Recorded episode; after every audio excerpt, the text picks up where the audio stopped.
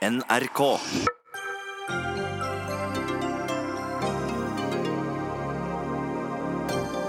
Skjebnen til Sylvi Listhaug og hele Erna Solbergs regjering ligger nå i hendene på åtte KrF-ere på Stortinget.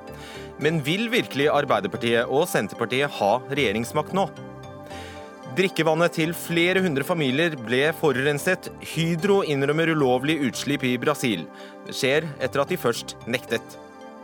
I Senterpartiet behandler de metoo-sakene litt annerledes. Der får fylkesordfører som trakk seg etter varsler om mye alkohol og upassende oppførsel, ny jobb som leder i fylkestingsgruppa to måneder etterpå. Og hvite bønder i Sør-Afrika mister jord og rettigheter. Australia vil gi de hvite farmerne ekspressvisum. Australia som snur båtflyktningene på havet.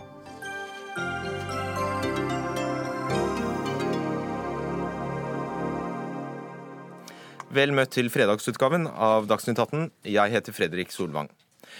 Fremskrittspartiet har innkalt Sylvi Listhaug og de andre Frp-statsrådene til krisemøte mandag morgen. Erna Solberg nekter å svare på om hele regjeringen går av om stortingsflertallet vedtar mistillit til justisminister Sylvi Listhaug.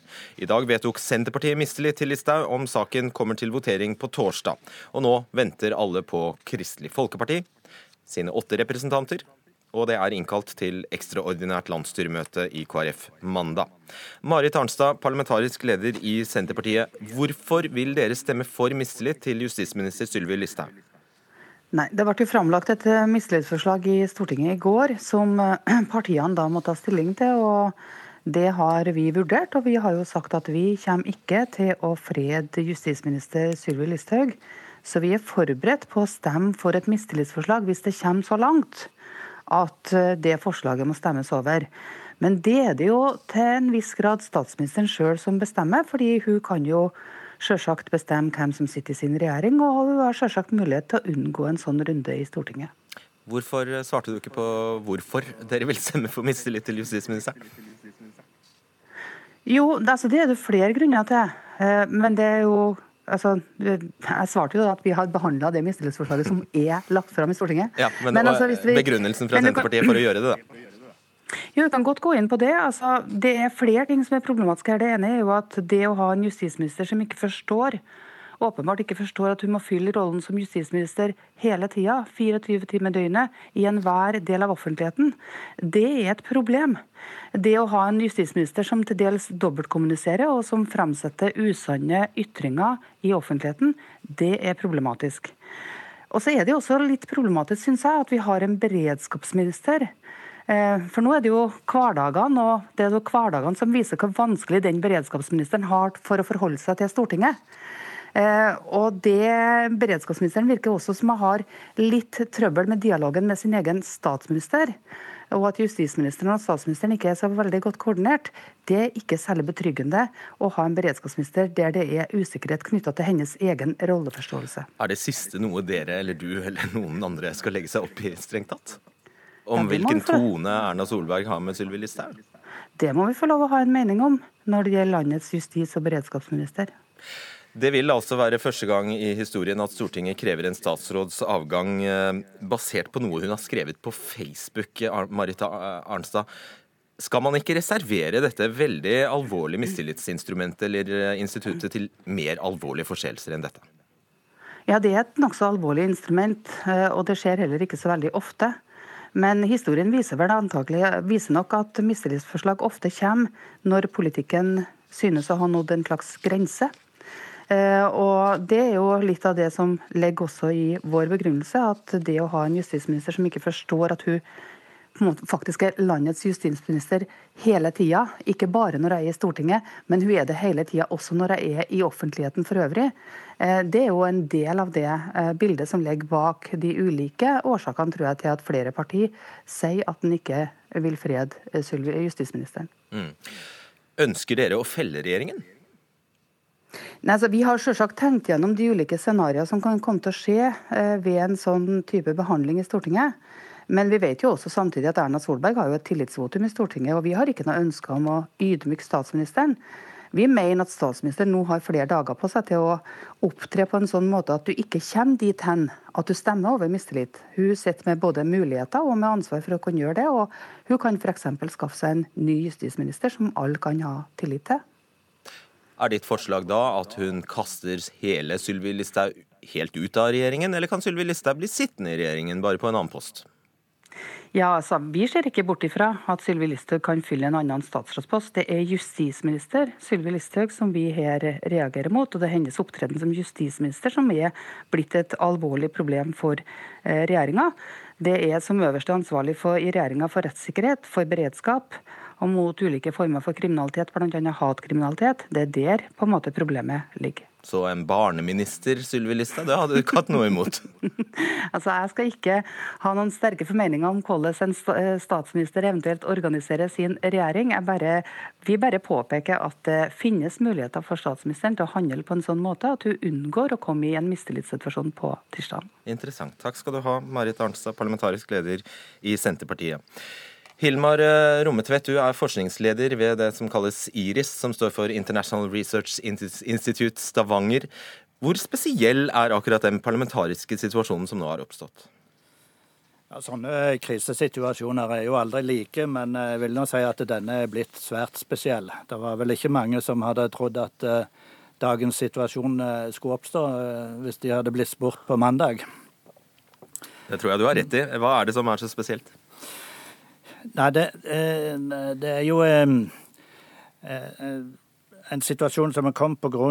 noe som eh, Listhaug har gjort som privat, privatperson, og ikke som en del av embetsutøvelsen. Det vil si at det er ikke i forbindelse med at du utøver regjeringens politikk at dette har skjedd.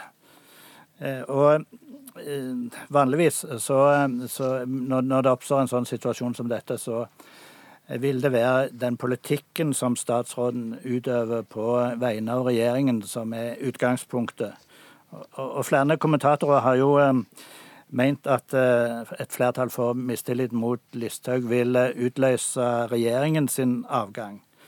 Men eller en kan si at det er jo utvikla en praksis eller en sedvane i så måte. Statsministeren lar ikke enkeltstatsråder bli felt alene. Men, men denne sedvanen er jo utviklet i en, en, situasjon som er ganske forskjellig fra Listhaug-saken. Altså, den bygger på det at statsministeren har det øverste ansvaret for politikken som regjeringen og statsrådene utøver.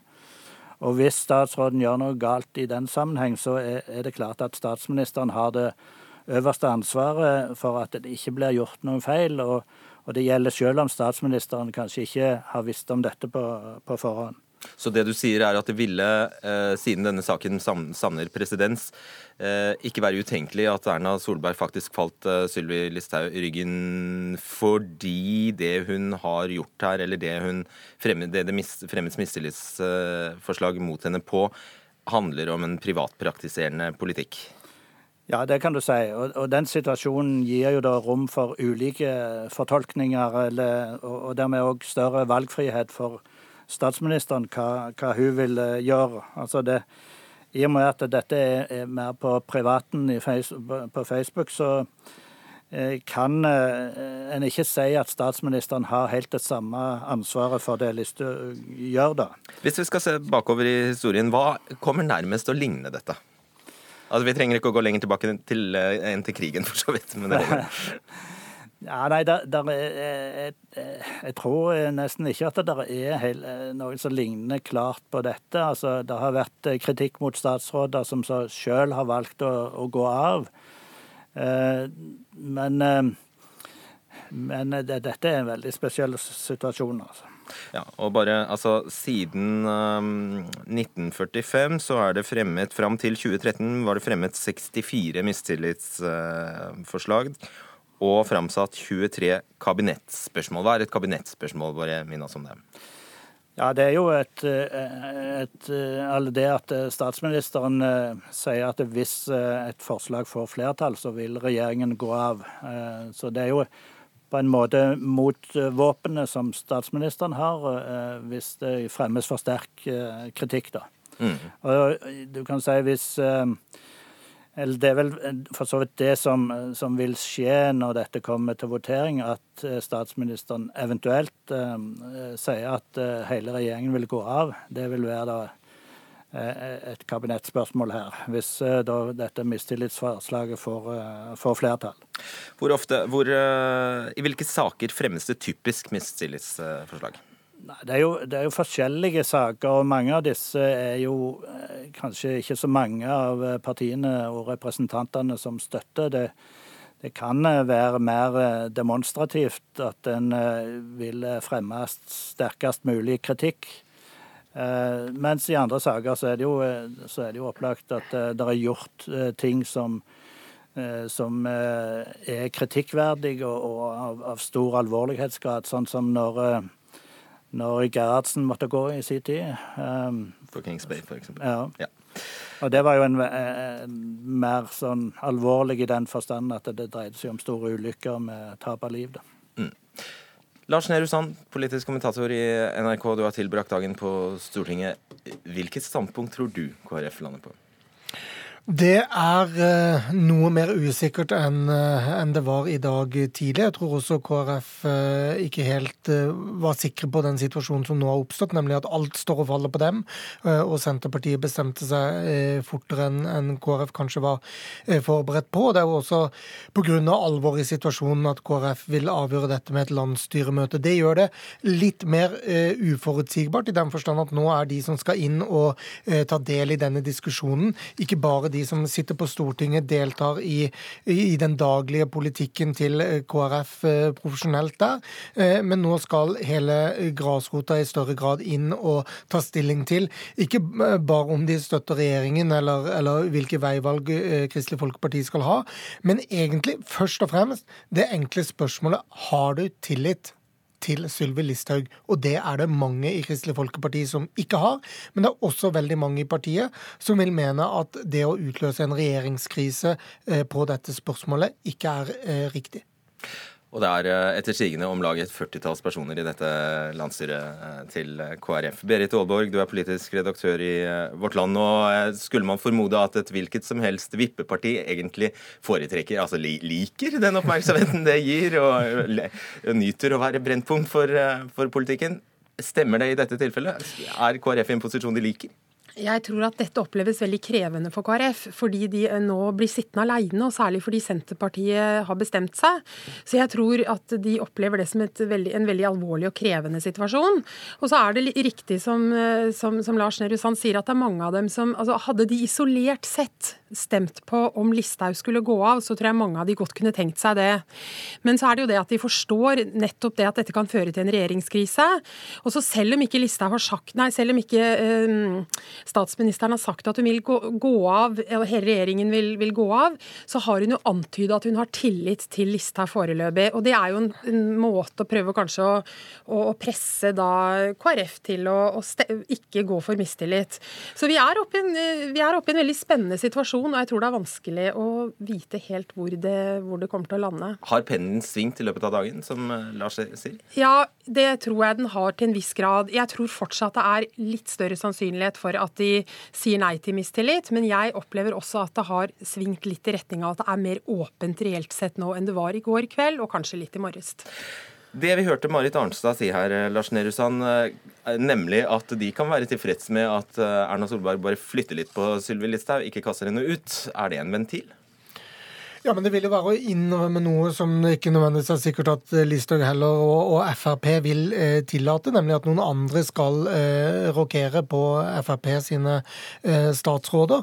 Eh, og det er jo derfor eh, den, denne situasjonen setter statsministeren og, og, for så vidt også da finansministeren indirekte i en, i en litt knipe, og det vet jo Stortinget også. Og, og, det er jo derfor det er litt vanskelig å se helt hva som vil skje. Det vil jo også være grunn til å tro at det er veldig sterk møtevirksomhet eller telefonvirksomhet mellom, eh, eller både mellom regjeringspartiene mot eh, KrF og, og sånn også, for å, eh, for å, se hvordan man skal komme ut av, ut av, denne situasjonen på en måte som alle kan, kan leve med. Det er jo ikke helt sikkert sånn heller at Arbeiderpartiet og Senterpartiet vil sitte i en mindretallsregjering som risikerer å bli upopulær før valget i 2021. Så de har stemt for et mistillitsforslag som kan føre til at de sitter med makta, en makt de ikke nødvendigvis ønsker?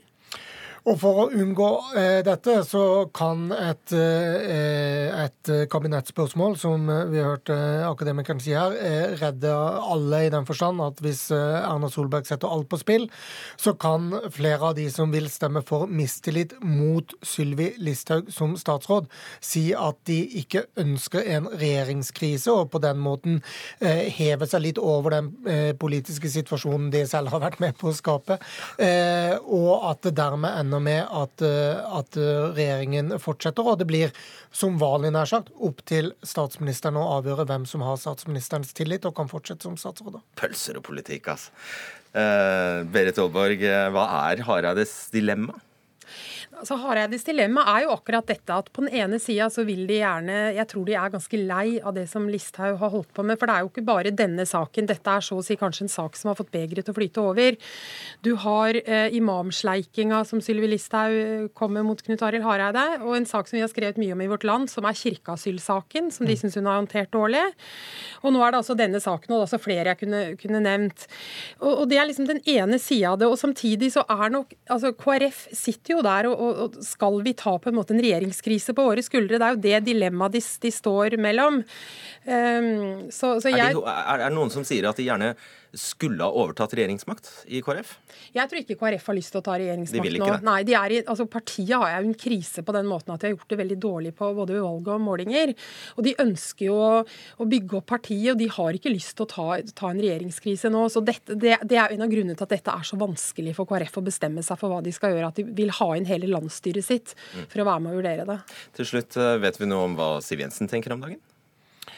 Siv Jensen tenker vel at det er viktig at, eh, at Frp og, og, Høyre kommer eh, best mulig ut av dette, eh, og at denne situasjonen igjen kommer under kontroll. Og det er vel det som har vært historien om de siste ja, 24-48 timene i, i, norsk politikk, er at det har vært svært vanskelig å forutse hva som skulle skje. Det som vi vet Siv Jensen tenker, er at hun har tillit til Sylvi Listhaug som statsråd. Ja, nettopp. Takk skal dere ha. Eh, vi sier takk til eh, Hilmar Rommetveit, Berit Aalborg og Lars Nehru Sand. Dagsnytt 18 alle hverdager kl 18.00 på NRK P2 og NRK2. Da skal vi til Brasil og Norsk Hydros aluminiumsanlegg. For det delvis statseide selskapet innrømmer nå å ha sluppet ut regnvann uten lov. Ifølge brasilianske myndigheter kan det ha vært en av årsakene til at lokalbefolkningen nå har blitt syke av drikkevannet i området rundt det største aluminiumsraffineriet i verden, faktisk. Arnt Stefansen, du jobber for NRK i Brasil, og du var nylig i området hvor dette aluminiumsanlegget ligger. Hvor sikkert er det at det er dette, altså dette utslippet folk har blitt syke av? Det er overhodet ikke sikkert. Hydro benekter det jo kategorisk, og det er ikke fremlagt noen bevis for at eh, drikkevannet ble ødelagt eh, av utslipp fra Hydro. Det er mange industrianlegg i dette området, og det er søppeldeponier som kan ha forårsaket dette, slik at det er svært usikkert. Ja, nettopp. Men uh, Hydro har jo blitt pålagt å kutte 50% i uh, produksjonen i tiden framover. De har fått en bot på nærmere 50 millioner uh, kroner. Hva er grunnlaget for det? Vi må se litt på hva de har fått bot for. Det er to ting. Det ene er dette utslippet av regnvann som skjedde etter et ekstremt nedbør i, i, februar. Eh, de hadde ikke lisens til å slippe ut eh, dette vannet, uansett om det var forurenset eller ikke. Eh, det andre er rett og slett at de ikke har fått den nødvendige tillatelse til å drive dette deponiet for dette såkalte rødslammet, som jo er det, det, det virkelige farlige industriet industriavfallet her. Ehm, det har de fått 10 millioner reais for hver av de to forseelsene, altså 50 eh, millioner kroner til sammen. Men det alvorlige er jo, eller det mest alvorlige er jo at de har vært nødt til å halvere produksjonen. og Da snakker vi om milliardtap i løpet av noen måneder. Og den eh, straffen har de fått fordi de ikke i tide sikret dette anlegget godt nok i forhold til sikkerhetsbestemmelsene. Vi snakker om en, en, en klarering som skal være på topp toppen av denne, denne, denne fyllingen, og, og, og det, det, kom ikke på, på plass tidsnok. Så det er jo veldig veldig hard straff Hydro har fått i dette tilfellet. Hvor sannferdig har Hydro vært? Altså, Det er jo spørsmål om hvem du spør. Ehm, det er jo alltid vanskelig å bevise hvor forurensing forurensning, eh, miljøgifter osv. kommer fra når du har et industriområde i Amazonas med mange aktører, når du har et veldig Eh, skal vi si, kritikkverdig system for kontroll med alle mulige slags eh, eh, forurensningskilder. Myndigheter som har vært slappe med, med, med, med kontrollen osv. Men det er helt klart at Hydro har et, et, troverdighetsproblem. Det ser du veldig klart, både lokalt, der som jeg var i går, og i forhold til brasilianske myndigheter. Og det kan absolutt diskuteres hvorvidt de har gjort seg fortjent til denne manglende troverdigheten. Men mange folk som jeg snakker med, som kjenner Hydro godt, mener at man har vært bakpå i mange tilfeller. Både i forhold til miljøtiltak og i forhold til, eh, til lokalbefolkningen og de krav som har kommet fra dem. Ja, og vi skal legge til at dette, denne kommunen hvor eh, anlegget Alunorte ligger, gjør det veldig dårlig på rankingen til det brasilianske sanitær- og miljøforeningen ABES. Det er altså ikke et gildt område å bo i. Det er en svær søppelfylling der like ved Hydros anlegg, og det hvilket da selvfølgelig også bidrar til å gjøre det vanskelig å identifisere nøyaktig hvem, hvilke utslipp som stammer fra bord. Eh, Runa Haug eh, Kori, det er det riktig uttalt? Det stemmer. Ja, Kori. Fagsjef i eh, Bellona. Det har vært lekkasjer fra dette anlegget tidligere i forbindelse med ekstremregn i 2009. Kan man klandre Hydro for ikke å ha lært noe siden da? Ja, vi syns jo De var jo ute og konstaterte etter det som skjedde i 2009, at nå hadde de sikra både deponiet og anlegget rundt for et nytt ekstremvær. Og har du et eh, stort deponi ved en elv i Brasil, så kommer det til å regne. Ehm, nå har det skjedd på nytt. Eh, det er jo stor uklarhet rundt situasjonen. Vår største kritikk er jo grunnen det at de åpenbart er bakpå med å ha kontroll over hva som egentlig har skjedd lokalt. Vi tror ikke at sentral ledelse i Norge har visst at de slapp vannet lokalt, men det er på en måte ikke godt nok. Eh, så det er jo åpenbart at det, de tiltakene som har blitt putta på plass, har ikke vært eh, tilstrekkelig. Og det mener vi er klandreverdig for et sånn stort norsk industriflaggskip som Hydro. Eh, samme spørsmål til deg. Har selskapet Fordi det, det stemmer vel det at de først nektet, og så har de måttet renonsere på det? Ja, vi har jo fulgt saken i kulissene, og vi kjenner jo Hydro godt. Og i det hele tatt. Og vi var i møter med de 2. mars med deler av norsk ledelse. Da forklarte de godt situasjonen rundt anlegget. Det her er tidlig omtalte vannrøret som de håndterte, som det kom noe litt utslipp fra. Men de var ikke klar over det at det hadde vært sluppet vann med eh, kontrollert, som de jo er opptatt av å påpeke, men uten eh, tillatelse. Så ulovlig, men kontrollert, da. Ja. Det gjør jo ikke saken bedre, i grunnen. Um, og det var de ikke klar over da, åpenbart. Og det, når det kom frem forrige helg, da syns vi at uh, essensen i saken er jo nettopp det at vi sitter og lurer på hva som egentlig har skjedd, og hvor mye av den forurensningen lokalt som kommer fra Hydro, og hvor mye som kommer fra søppelanlegget nabo, på nabotomta. Og det er på en måte ikke godt nok. Ane Kvam, du er leder for ansvarlige investeringer i eh, KLP. og Da er dere en av de, faktisk en av de ti største aksjonærene i eh, Hydro. Uansett hva omstendighetene er her, er det forsvarlig å investere i et selskap? For det er brakt på det rene at selskapet da faktisk har stått for ulovlig utslipp? Eh, ja, altså det nå vet, Vi vet jo faktum i saken, som, som vi hørte, er jo ennå ikke helt klart. ikke sant? Så det må vi jo også vente på. Er ikke akkurat det hevet over enhver tvil? At det har forekommet ulovlig utslipp? Det har forekommet ut, ulovlig utslipp, men vi vet jo fortsatt ikke omfanget og konsekvensene av det som er skadevirkninger og det som er sluppet ut. Så, så vi, og det har jo selskapet selv startet en del granskninger på, både internt og eksternt. Og det skal komme en rapport 9. Eh, som selvfølgelig vi håper at kommer til å sette mer lys på den saken.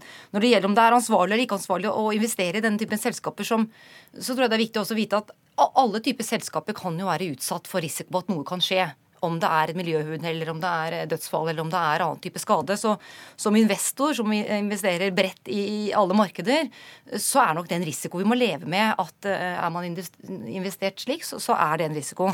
Men er du snill å rangere, altså hvis jeg har forstått det rett, det å forurense drikkevannet til folk, det er noe av det mest alvorlige ja, som kan skje? Selvfølgelig. Det er uh, både lokalsamfunn og mennesker som, som, er rundt en sånn virksomhet. Det er jo det vi, vi mener må være den første prioriteten nå, at det blir ryddet opp i og tatt hånd om. Og når man foretar etiske investeringer eller ansvarlige investeringer, da, så står det ganske høyt opp på lista over ting man skal absolutt unngå? Ja, selvfølgelig. Men vi er jo klar over at det er mange typer virksomheter som har risiko knyttet til seg. Så, så, så, hvor det kan skje uhell, om det er i olje- eller gruveindustri eller i, i, i, farma eller i hvilken type industri det er. Så det jeg prøver å få frem, er jo at det, det er en risiko man som investor er nødt til å leve med. Men, men eh, som en ansvarlig investor så er jo vi stadig i dialog med selskaper, som vi også er med Hydro, og har hatt god dialog med Hydro, eh, og andre typer selskaper for å prøve å påvirke dem til hvordan de jobber med risikoer og, og, eh, ja, og de utfordringene som er kanskje knyttet særlig til den sektoren de selskapene da jobber i. Ja, Arnt Stefansen, bare ta det. Er, det, er drikkevannet rent nå? De jobber med å rense det, og samtidig så deles det ut, uh, deles det ut drikkevann. slik at det er en situasjon der man jobber med å få dette på plass, men det er ikke helt på plass ennå. Hva er konsekvensene Kori, av at man får i seg lut og bauksittstøv? Ja, Det høres ikke ut som helsekost, i alle fall. Nei. Det sentrale her er jo at vi sitter og at vi sitter i en situasjon hvor vi sitter og lurer på om et av de største norske, mest ansvarlige selskapene har forurensa og eh, forårsaka at vi har lut og besiktstøv i, eh, i drikkevann lokalt i Brasil. Det er på en måte kjernen i denne saken. Eh, og at vi sitter der eh, igjen, syns vi er veldig uheldig og klandreverdig. Det var en viktig strategisk beslutning for Hydro å gå så tungt inn i Alunorte. Og vi kjenner Hydro som et veldig ansvarlig selskap og miljø, men her har de rett og slett ikke hatt god nok kontroll. Eh, Kvam, eh, aksjekursen har stupt, faktisk. Eh, til, altså, aksjekursen til Norsk Hydro har stupt i etterkant av denne skandalen, som etter hvert som blir rullet opp. Hva er det uttrykk for? Det er nok uttrykk for, altså som, som, vi også hørte, at det, selskapet har jo nå blitt, har fått halvert produksjonen sin. Eh, og, og, så må vi være klar over at dette er et ganske viktig selskap eh, i hele Hydro-kjeden. De har også sendt ut force majeure-varsel til sine kunder. Eh, for det produktet som lages der, er jo et produkt som ja, som de har sendt ut til Som er hva? Altså, beklager. Altså, som er et varsel om at de kanskje ikke får leveranser. Ikke sant? Altså, for dette er en, en, et produkt som lages som, som, både de andre fabrikkene i Hydro øh, også er avhengig av, og andre kunder. Så, så, det er klart at aksjekursen faller er nok et, øh, et signal på at markedet er usikker på, på både inntektene og de kostnadene som vil knytte seg til at selskapet på sikt skal opp igjen på 100 uh, Så det er jo selvfølgelig beklagelig for Hydro og beklagelig for aksjonærene i selskapet. Ja, nettopp. Ja, vil du legge til noe? Nei, vår hovedbudskap i denne saken er egentlig bare at det er en opplagt forventning at et stort norsk selskap eh, tar, eh, håndterer miljøet like godt i, i, ute som de gjør hjemme. Arnt Stefansen, eh, i Aftenposten kunne vi lese om For det første så blir det jo selvfølgelig påstått at denne saken nå brukes aktivt av brasilianske politikere. Men det har også skjedd noe ganske tragisk, nemlig at en urfolksaktivist, Paulo Sergio Nascimento, ble funnet drept i Brasil på mandag. Eh, advokaten til eh, den drepte aktivisten antyder at Hydro kan ha spilt en rolle i dette. Det er en veldig alvorlig eh, anklage. Hva har Hydro svart til det? De har selvfølgelig avvist denne påstanden. og uh, Vi skal jo huske at denne advokaten har jo en historie med mange mange rettssaker mot Hydro på vegne av forskjellige lokale aktører, og har uh, tapt uh, nesten alle. slik at han har jo en spesiell historikk her. Men generelt så, så, er det vel sånn at selv de hardeste kritikerne av Hydro i, i Bark Arena, der fabrikken ligger, folk som jeg snakket med i går, Eh, overhodet ikke vil beskylde Hydro for å stå bak dette. Det vil jo være en av de store store skandaler i, i norsk industrihistorie hvis det skulle ha skjedd. Slik at det, en slik påstand eh, avvises egentlig av, eh, av alle. Men, men, det er helt klart at dette kaster skygger over denne saken og, og gjør at dramatikken øker enda mer. To ord er du snill om. Jeg var inne på det. Hvordan brukes saken politisk? Altså, det er valgkamp i Brasil. Det skal velges nytt, ny president. Det er et av de mest eh, dramatiske valgår på veldig lenge, med mye usikkerhet. Og en slik industrisak, der du eh, på en måte kan, eh, kan bruke en utenlandsk investor som en slags syndebukk og, og, gi skylden for veldig mange miljøsynder, det, det er jo veldig, veldig, fristende. Og det skjer, det, det, ser man helt tydelig, og egentlig helt til topps i, i brasiliansk politikk, der miljøministeren har spilt en noe merkelig rolle ved å å gå inn ut på et veldig tidlig tidspunkt og komme med påstander mot Hydro. Dette er jo egentlig et delstatsanliggende. Det er de som gir lisenser for drift osv. Slik at politiseringen av denne saken er nokså åpenbar for meg som har sittet her i tolv år og fulgt brasiliansk politikk. Jeg er takknemlig for at vi endelig fikk kastet lys over denne viktige saken. i hvert fall, og Så er det synd at eh, Hydro ikke, ikke, ville stille her i dag. De viser til den utredningen, eller til den granskingen, rapporten som altså kommer bare 9. 9. april. 9. april ja, så da får vi håpe vi får besøk av dem. Takk skal dere ha, Runa Kori, Arnt Stefansen og Anne Kvam.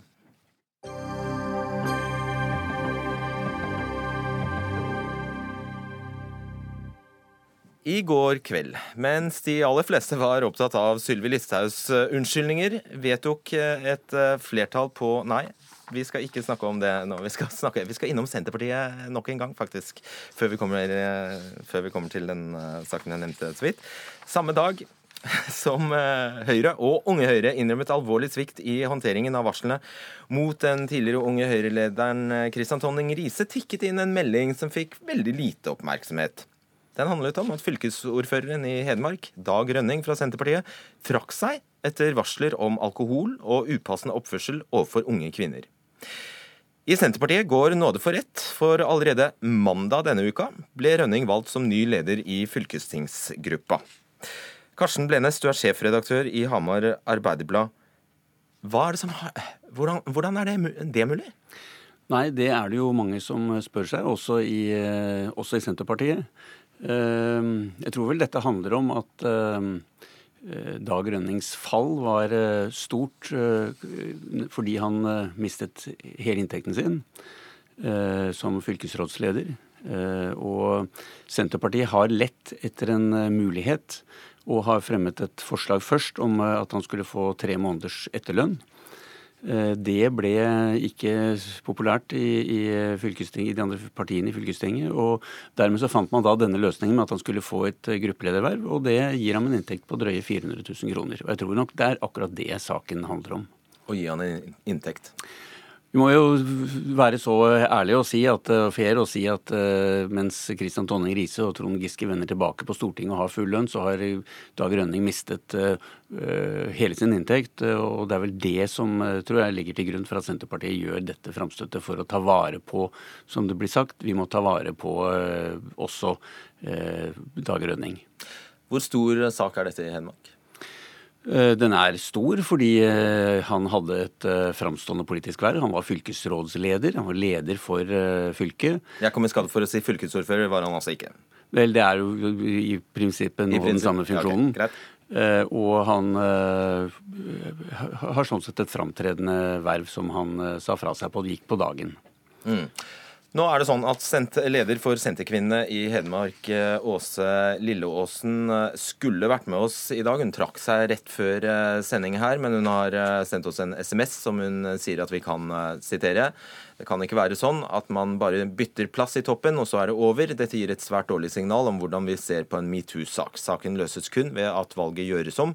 Noe annet er ikke akseptabelt fra Senterkvinnenes side, sier hun. Vil hun bli hørt?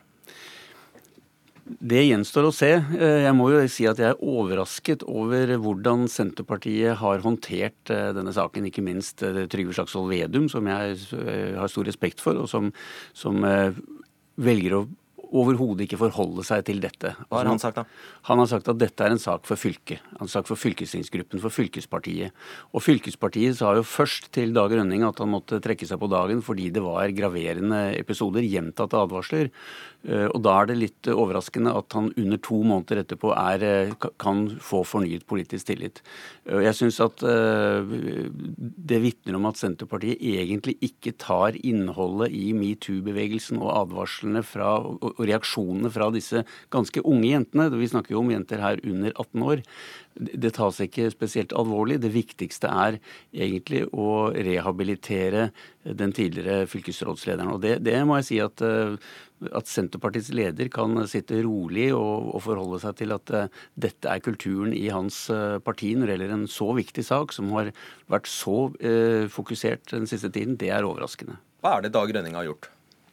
Nei, det er som, du, som det ble referert, trak seksuell trakassering av unge jenter i eh, politiske sammenhenger, politiske eh, møter, eh, etter politiske møter. Vi vet jo ikke innholdet ordentlig i dette, men vi vet at det dreier seg om gjentatte forhold. Vi vet at det har vært flere advarsler, og vi vet at det er unge jenter. Hmm. Kan det ha kommet til nye opplysninger i løpet av disse to månedene som gjør at det er tilrådelig å ansette ham? Det er i så fall noe som ingen andre har fått uh, innsyn i, og det har ikke vært uh, frambrakt som noe argument. Det som er argumentasjonen, er at uh, man også ikke bare skal ta vare på varslerne, man skal også ta vare på den som mister viktige verv og ødelegger sin livssituasjon. NRK.no har skrevet men Sp-kvinnene i Hedmark står ikke samlet i synet på valget av Rønning. Fylkesråd Åsa Gjestvang støttet avgjørelsen. Hun mener det er stor forskjell på å være fylkesordfører og gruppeleder. Som, og dette er et sitat, som fylkesordfører representerer man utad, men arbeidet som gruppeleder består mye av å organisere arbeidet internt i gruppa. Dette er to veldig forskjellige roller. Sitat slutt. Gir det mening? Det er helt klart at det gir en viss mening. Det er en annen, helt annen rolle å være fylkesrådsleder. Det er en langt mer framtredende posisjon. Eh, sånn at eh, det ligger, en, det ligger, en, klar forskjell i, det. Eh, men min innvending vil likevel være at eh, når du har mistet den politiske tilliten i den grad at du må trekke deg på dagen, eh, da er det underlig at du kan få et nytt politisk verv, og et tross alt fortsatt Det er en, en ikke uviktig posisjon å lede Senterpartiets gruppe i Hedmark fylkesting. Og fra Hedmark kommer ingen ringere enn Senterpartiets leder Trygve Slagsvold Vedum. Har det noe å si? Det vil jeg ikke spekulere i, men det betyr i hvert fall at Trygve Slagsvold Vedum kjenner denne saken helt sikkert ganske godt. Eh, og jeg syns da har det noe å si. Eh, da har det kanskje noe å si. Jeg vet ikke. Hmm. Han vil ikke kommentere denne saken, Trygve Slagsvold Vedum. Det gjør heller ikke Åsa Gjestvang, fylkesleder i Hedmark Senterparti. Ei heller Arnfinn Nergård, fylkesordfører, og heller ikke Dag Rønning. Takk skal du ha, Karsten Blennes.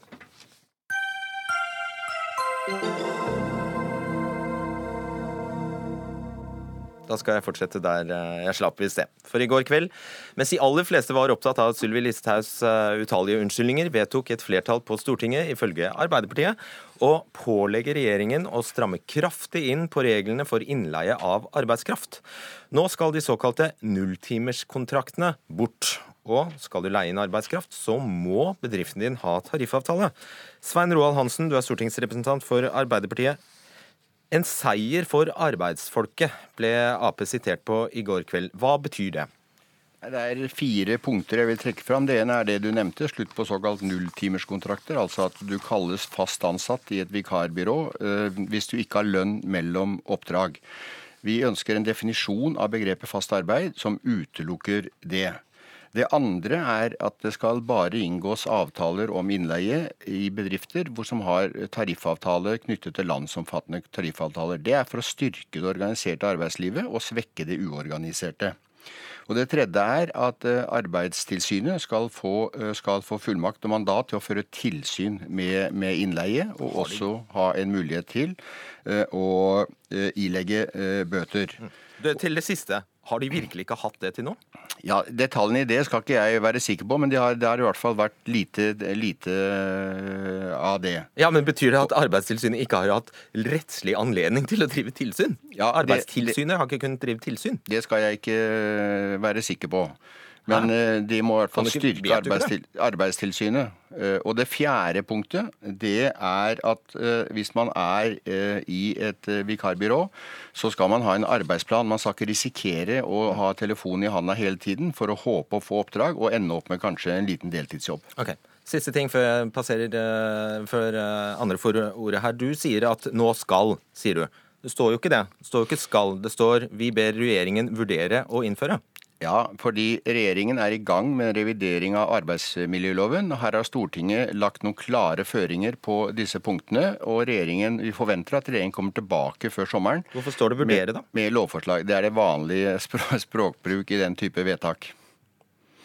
En, betyr, betyr ikke 'vurdere' det samme på stortingsspråk som på norsk?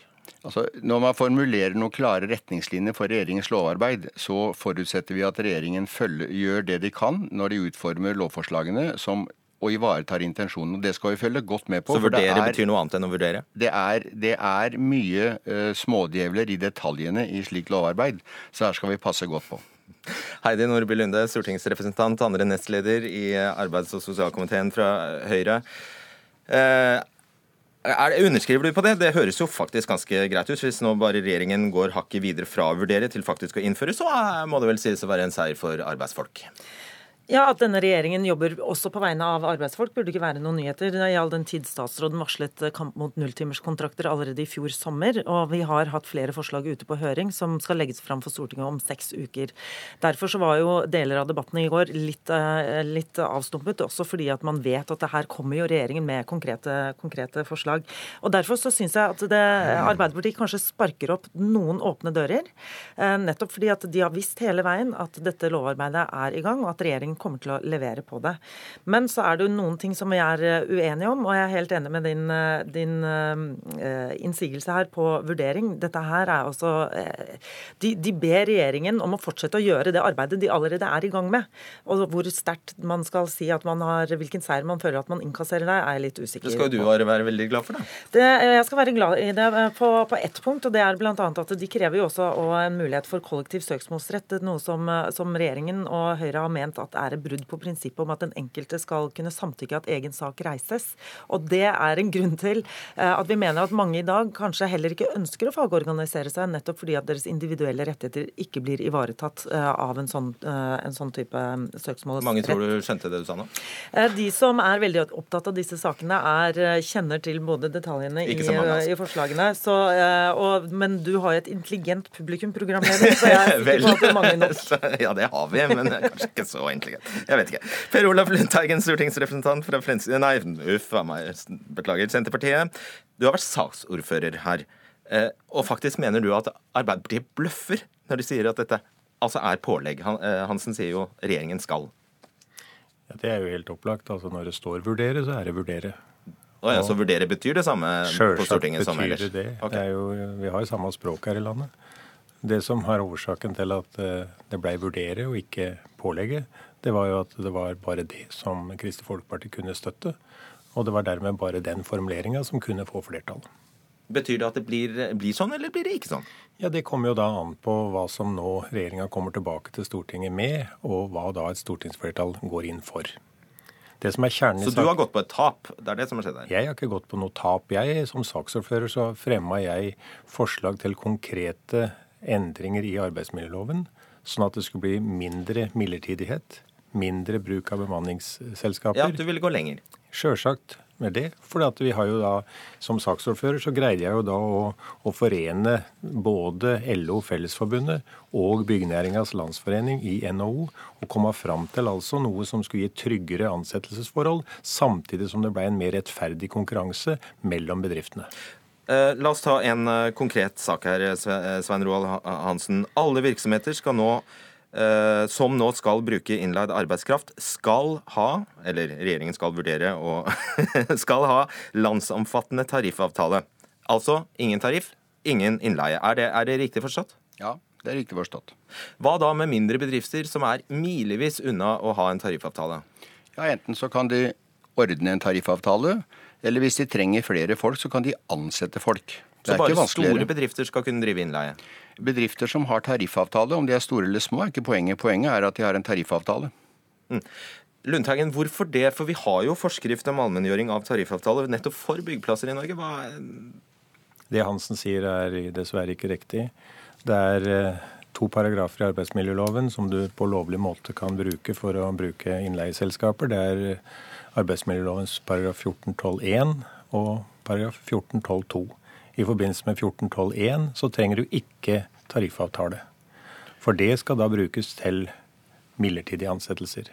Så det er ikke noe problem i dag, og ingen har foreslått heller endring på det, at du kan bruke bemanningsselskaper på midlertidige stillinger uten tariffavtale.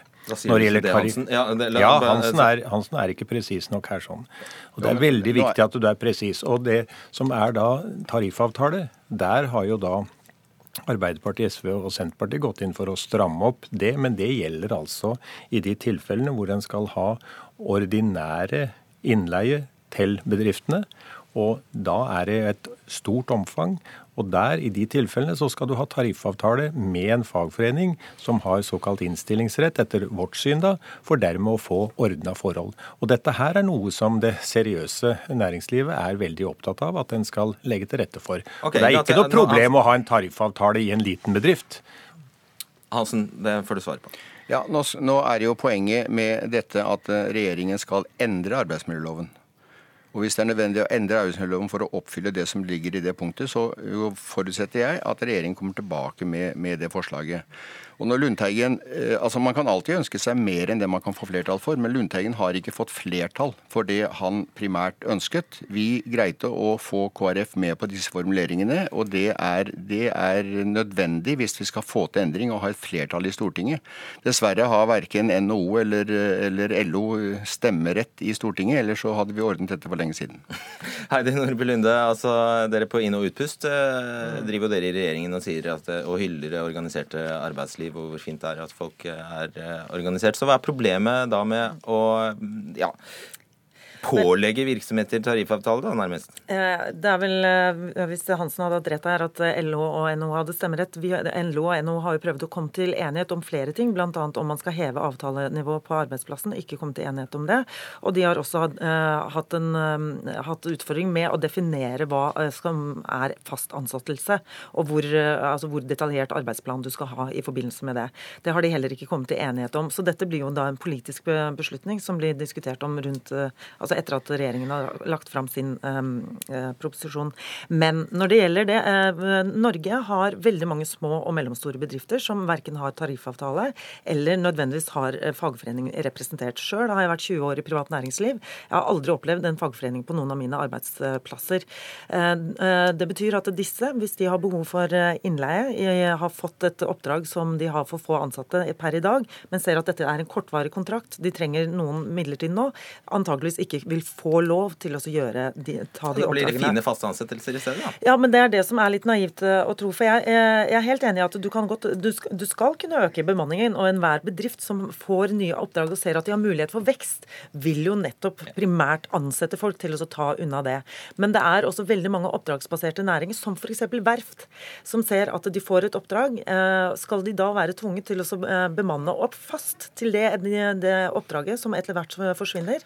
Vi husker husker på 80-tallet, da vi hadde den type avtaler i, i Norge, eh, konfliktnivået i, i, arbeidslivet var høyere, og du hadde flere som ble utsatt for permitteringer når de kontraktene forsvant. Okay. Og det er det vi ikke ønsker. Dette var vanskelig. Eh, per Olaf Lundteigen, av, avrund og forklar hvordan vil man merke disse vedtakene dere gjorde eh, den kvelden? Jeg vil ikke merke det enda, fordi at det kommer en ny runde fra regjeringa som skal vurdere de forslagene. Men det som er poenget både fra SV, Arbeiderpartiet og ikke minst fra Senterpartiet, er at vi ønsker et eh, ryddigere arbeidsliv, et bedre organisert arbeidsliv, som også gir eh, bedre eh, rettferdig konkurranse i bedriftene. Derfor så strammer vi inn på midlertidige ansettelser, og vi strammer inn på bruk av bemanningsselskaper. Og dermed så blir det flere faste stillinger.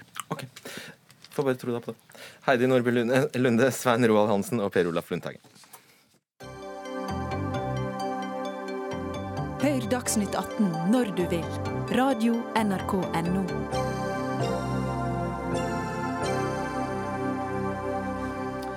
I Sør-Afrika handler det aller meste om dagen om jordreformen, der den nye presidenten Cyril Ramaphosa foreslår å endre grunnloven for å kunne ekspropriere landeiendom fra hovedsakelig hvite bønder og gi det til staten uten kompensasjon. Dette er selvfølgelig omstridt, men uh, saken fikk en ekstra tvist da den australske regjeringen plutselig blandet seg.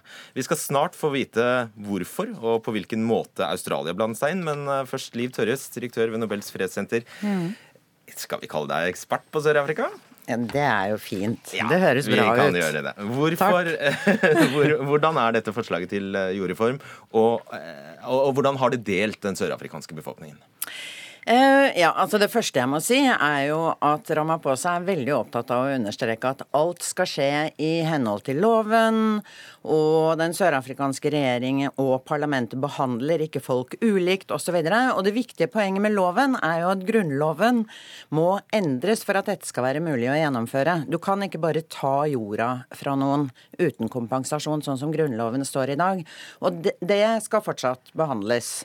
Så må jeg også legge til at jeg tror tror ikke Ramaphosa selv er spesielt glad for denne beslutningen. Det vil gjøre det ganske vanskelig for de å tiltrekke seg investeringer på andre områder, hvis de har et lovverk som sier at de bare kan ekspropriere uten kompensasjon. Og forslaget er så vidtrekkende? Ja, det er det. Det er det parlamentet i utgangspunktet har stemt for, men med da utgangspunkt også i et forslag fra opposisjonspartiet Economic Freedom Fighters. Så, så ANC er blanda til dette. Ramaphosa vil jeg tro er i ganske imot det, uh, og vil prøve å redde inn dette. Men den viktige bakgrunnen er jo at 75 av, det, av jordbruksområdet i Sør-Afrika er på hvite hender. Og, og, det er jo jord som opprinnelig, for 100 år siden, ble fratatt svarte. Sånn at dette liksom trekker jo opp igjen alle spenninger fra apartheid-tiden, og, og, vekker ganske mye diskusjoner rundt rasisme og ikke sant. Og det er derfor eh, det virkelig har tatt fyr. Og skulle du sette deg inn i hodet til en hvit bonde, hvordan arter dette seg? Nei, hvis jeg hadde vært en hvit bonde, så ville jeg nok tenkt at uh, dette er fryktelig urettferdig. For jeg har jobbet, jeg og mine forfedre har liksom jobbet opp denne gården. Eh, til å bli, og det hører også med til historien, en del av de kommersielle formene. Gårdene i Sør-Afrika, som da selvfølgelig nesten alle sammen drives av hvite, er konkurransedyktige internasjonalt og gjør det bra. Riktignok basert på mye subsidier fra apartheidregimet, og de har fått Eh, jorda gratis. Og, eh, men hvis jeg, hvis jeg, hadde vært en hvit eh, gårdeier, så hadde jeg nok tenkt at dette var fryktelig urettferdig for alle de som sitter rundt. Det må jeg også da legge til fort, siden jeg ikke er en hvit gårdeier i Sør-Afrika.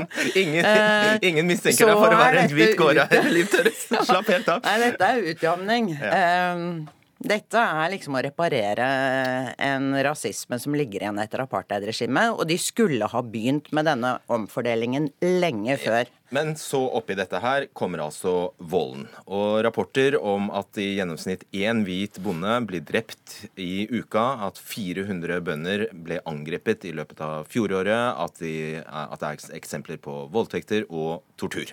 Mm. Stemmer det? Eh, det er vanskelig å si. Altså, nå har jeg prøvd gjentatte ganger å grave gjennom mye av denne statistikken, og det er ikke veldig lett å få det verifisert. Det som er helt sikkert, er at volden i Sør-Afrika er høy. Og svarte som jobber i, i, jordbruket, de er også utsatt for betydelig vold. Og så når du da etter hvert kommer til dette australske forslaget om å ta inn hvite ja. gårdeiere mm. på humanitært grunnlag, så må jeg da bare si Spoiler. fort Ja, nei, men det var ikke meningen. Men poenget er jo at de, det er definitivt mye farligere å være svart og bo i byene og i townshipene enn det er å være hvit og bo på en gård i Sør-Afrika. Ja. Og det skal vi ha notert, men det er altså sånn at i, i Australia har det nå blitt rapportert det jeg nevnte her, nemlig at eh, hvite bønder i Sør-Afrika blir voldtatt, torturert og drept og at situasjonen er helt prekær for dem. Og Det har altså ført til at innenriksministeren i Australia har kommet med et forslag om å opprette en ekspressvisumordning nettopp for akkurat disse hvite bøndene. Og da er jo stikkordet nettopp hvite bønder. For vi vet at Australia er landet som snur båter med flyktninger midt på havet og sender dem til øya Nauru, der de sitter i interneringsleire. Er det ikke sånn, Thomas Hylland Eriksen, professor i sosialantropologi? Jo, altså Båtflyktninger kommer ikke inn i Australia. Altså, lenge var det jo Nauru som var hoveddestinasjonen. De siste årene har det vært Manus, som er en øy som tilhører Papua Ny-Guinea. Og hvor disse leirene drives av eh, private sikkerhetsselskaper. Eh, og hvor forholdene er helt skrekkelige. Og der har folk sittet i flere år, altså legitime flyktninger fra land som Irak, Afghanistan, Somalia osv., og, så videre, og ventet på å få en avgjørelse. De har fått klar beskjed om at de ikke vil komme inn i Australia, og man vet ikke helt hva man skal gjøre med dem. Så dette koster Australia en god del penger, men de vil heller betale fra dem der enn å få dem inn i landet. Så hvordan da, med den vise, altså når det skjer, hvordan eh, argumenterer innenriksminister Peter Dutton da for et forslag som utelukkende Altså at hvite, ressurssterke bønder, ja, de skal få rød løper? Ja, men husk altså Peter Dutton, som er innenriksminister i Australia, han er en, en character, som vi sier. altså Han er en kontroversiell politiker. Han er en sånn som snakker rett fra levra, som det heter. og har vært Kaller ute... en spade, spade for en spade, antagelig? Ja, det er det de kaller det. Og han har vært ute en vinternatt før. Han tilhører altså høyrefløyen i det såkalt liberale partiet, som i virkeligheten er et konservativt parti, som da har regjeringsmakten sammen med The National Party, som er et ruralt basert parti med, som det er mange bønder og, og, og, og kvegdriftsfolk som, som stemmer på. Og han har uttalt hårete ting tidligere om ulike typer minoriteter, for å si det slik. Om afrikanske gjenger som herjer i gatene i Melbourne uh, osv. Og, og denne gangen begrunner han at sørafrikanske hvite bønder skal få uh, ekspressvisum med at de er kompatible med australsk kultur, altså er, og, og, at de fortjener å komme til et sivilisert land. Og Det er jo en litt uheldig ting å si når man tenker på at Australia faktisk har diplomatiske forbindelser med Sør-Afrika. Altså, da sier han indirekte at Sør-Afrika er et usivilisert land. Så han argumenterer med at det, er, at det er kultur, og at det er kulturell likhet. Men er ikke det sant, da? Det er mye i det, vet du. Fordi det er de har i veldig, ja, veldig mye felles historie. De har den samme kolonihistorien. Commonwealth-land. De spiller cricket og drikker øl og liker seg på stranda og har samme klima. Og det er betydelig utvandring eh, av hvite sørafrikanere til Australia. Og det har det vært helt siden eh, Sør-Afrika ble fritt eh, på 1990-tallet. Fordi man der kunne få den samme livsstilen uten all problematikken knyttet til rase. For i Australia har man jo ikke nødvendigvis kvittet seg med alle urinnvånerne, men man har i hvert fall skjøvet dem så langt bort at man slipper å se dem. Og det, er, det ga meg det neste stikkordet. fordi i Sør-Afrika nå så er det jo flere, har jeg skjønt, som altså Sør-Afrika har levd med dette stempelet om, som apartheidstat uh, i, mm. i, alle år. Blir stemplet som et uh, rasistisk land, rett og slett. Men nå kan de vise til Australia. Se, det var det vi sa, de var verre enn oss. Ja, altså det er ingen tvil om at dette, liksom, denne diskusjonen her trigger diskusjoner om rase. Altså, Sørafrikanske regjeringen og Ramaphosa jo vel, har jo vært kraftig, og er jo kraftig provosert. Eh, selvfølgelig. Men, men, det er jo mange når du går på sosiale medier som, som, sier at det er kjempefint.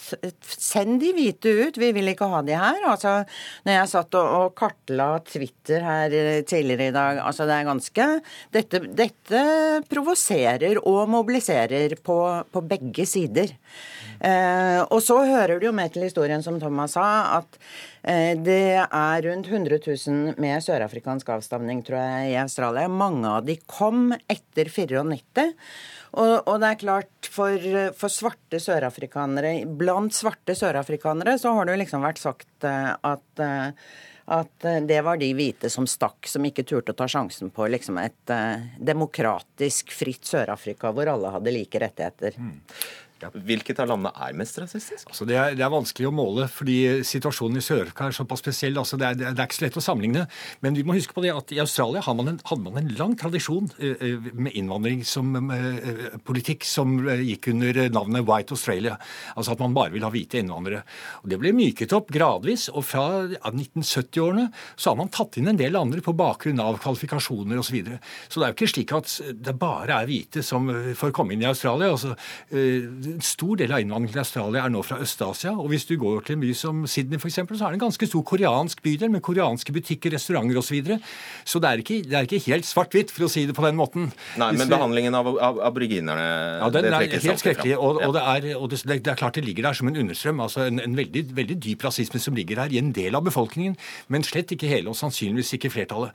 Eh, men, eh, men man, har, man, har, en historie eh, med, med en rasistisk innvandringspolitikk i Australia som mange nå opplever blir vekket til live igjen gjennom dette initiativet. Mm. En, men en ting til jeg har lyst til å nevne, det er at bonden står sentralt i australsk selvbilde. Altså Det er bonden og gruvearbeideren mm. ikke sant, som er på en måte de som bygget Australia, som åpnet opp, og som gjorde det til et sivilisert land osv. Så, videre. så det at det nå ikke bare er hvite sørafrikanere, men at de også er bønder som kommer, det har en spesiell symbolsk effekt i, i australsk offentlighet. Klarer du å holde deg innen ti sekunder, så går det. Ja, det er mange svarte svarte landarbeidere Nå er det ikke deg jeg argumenterer mot, da, men veldig mange svarte landarbeidere som blir fryktelig dårlig behandlet av disse hvite gårdeierne i Sør-Afrika, som da også kunne komme til ja, Australia, Du kunne for tenke på andre bønder som blir fortrevet. Ja, ja. Rohingya-muslimer Ja, eller palestinere eller mange andre. Løper tiden fra oss. Takk skal dere ha. Thomas Hylland Eriksen og Liv Tørres. Fredrik Solvang, Ida Tune Øresland og Erik Sandbråten ønsker dere en riktig god helg.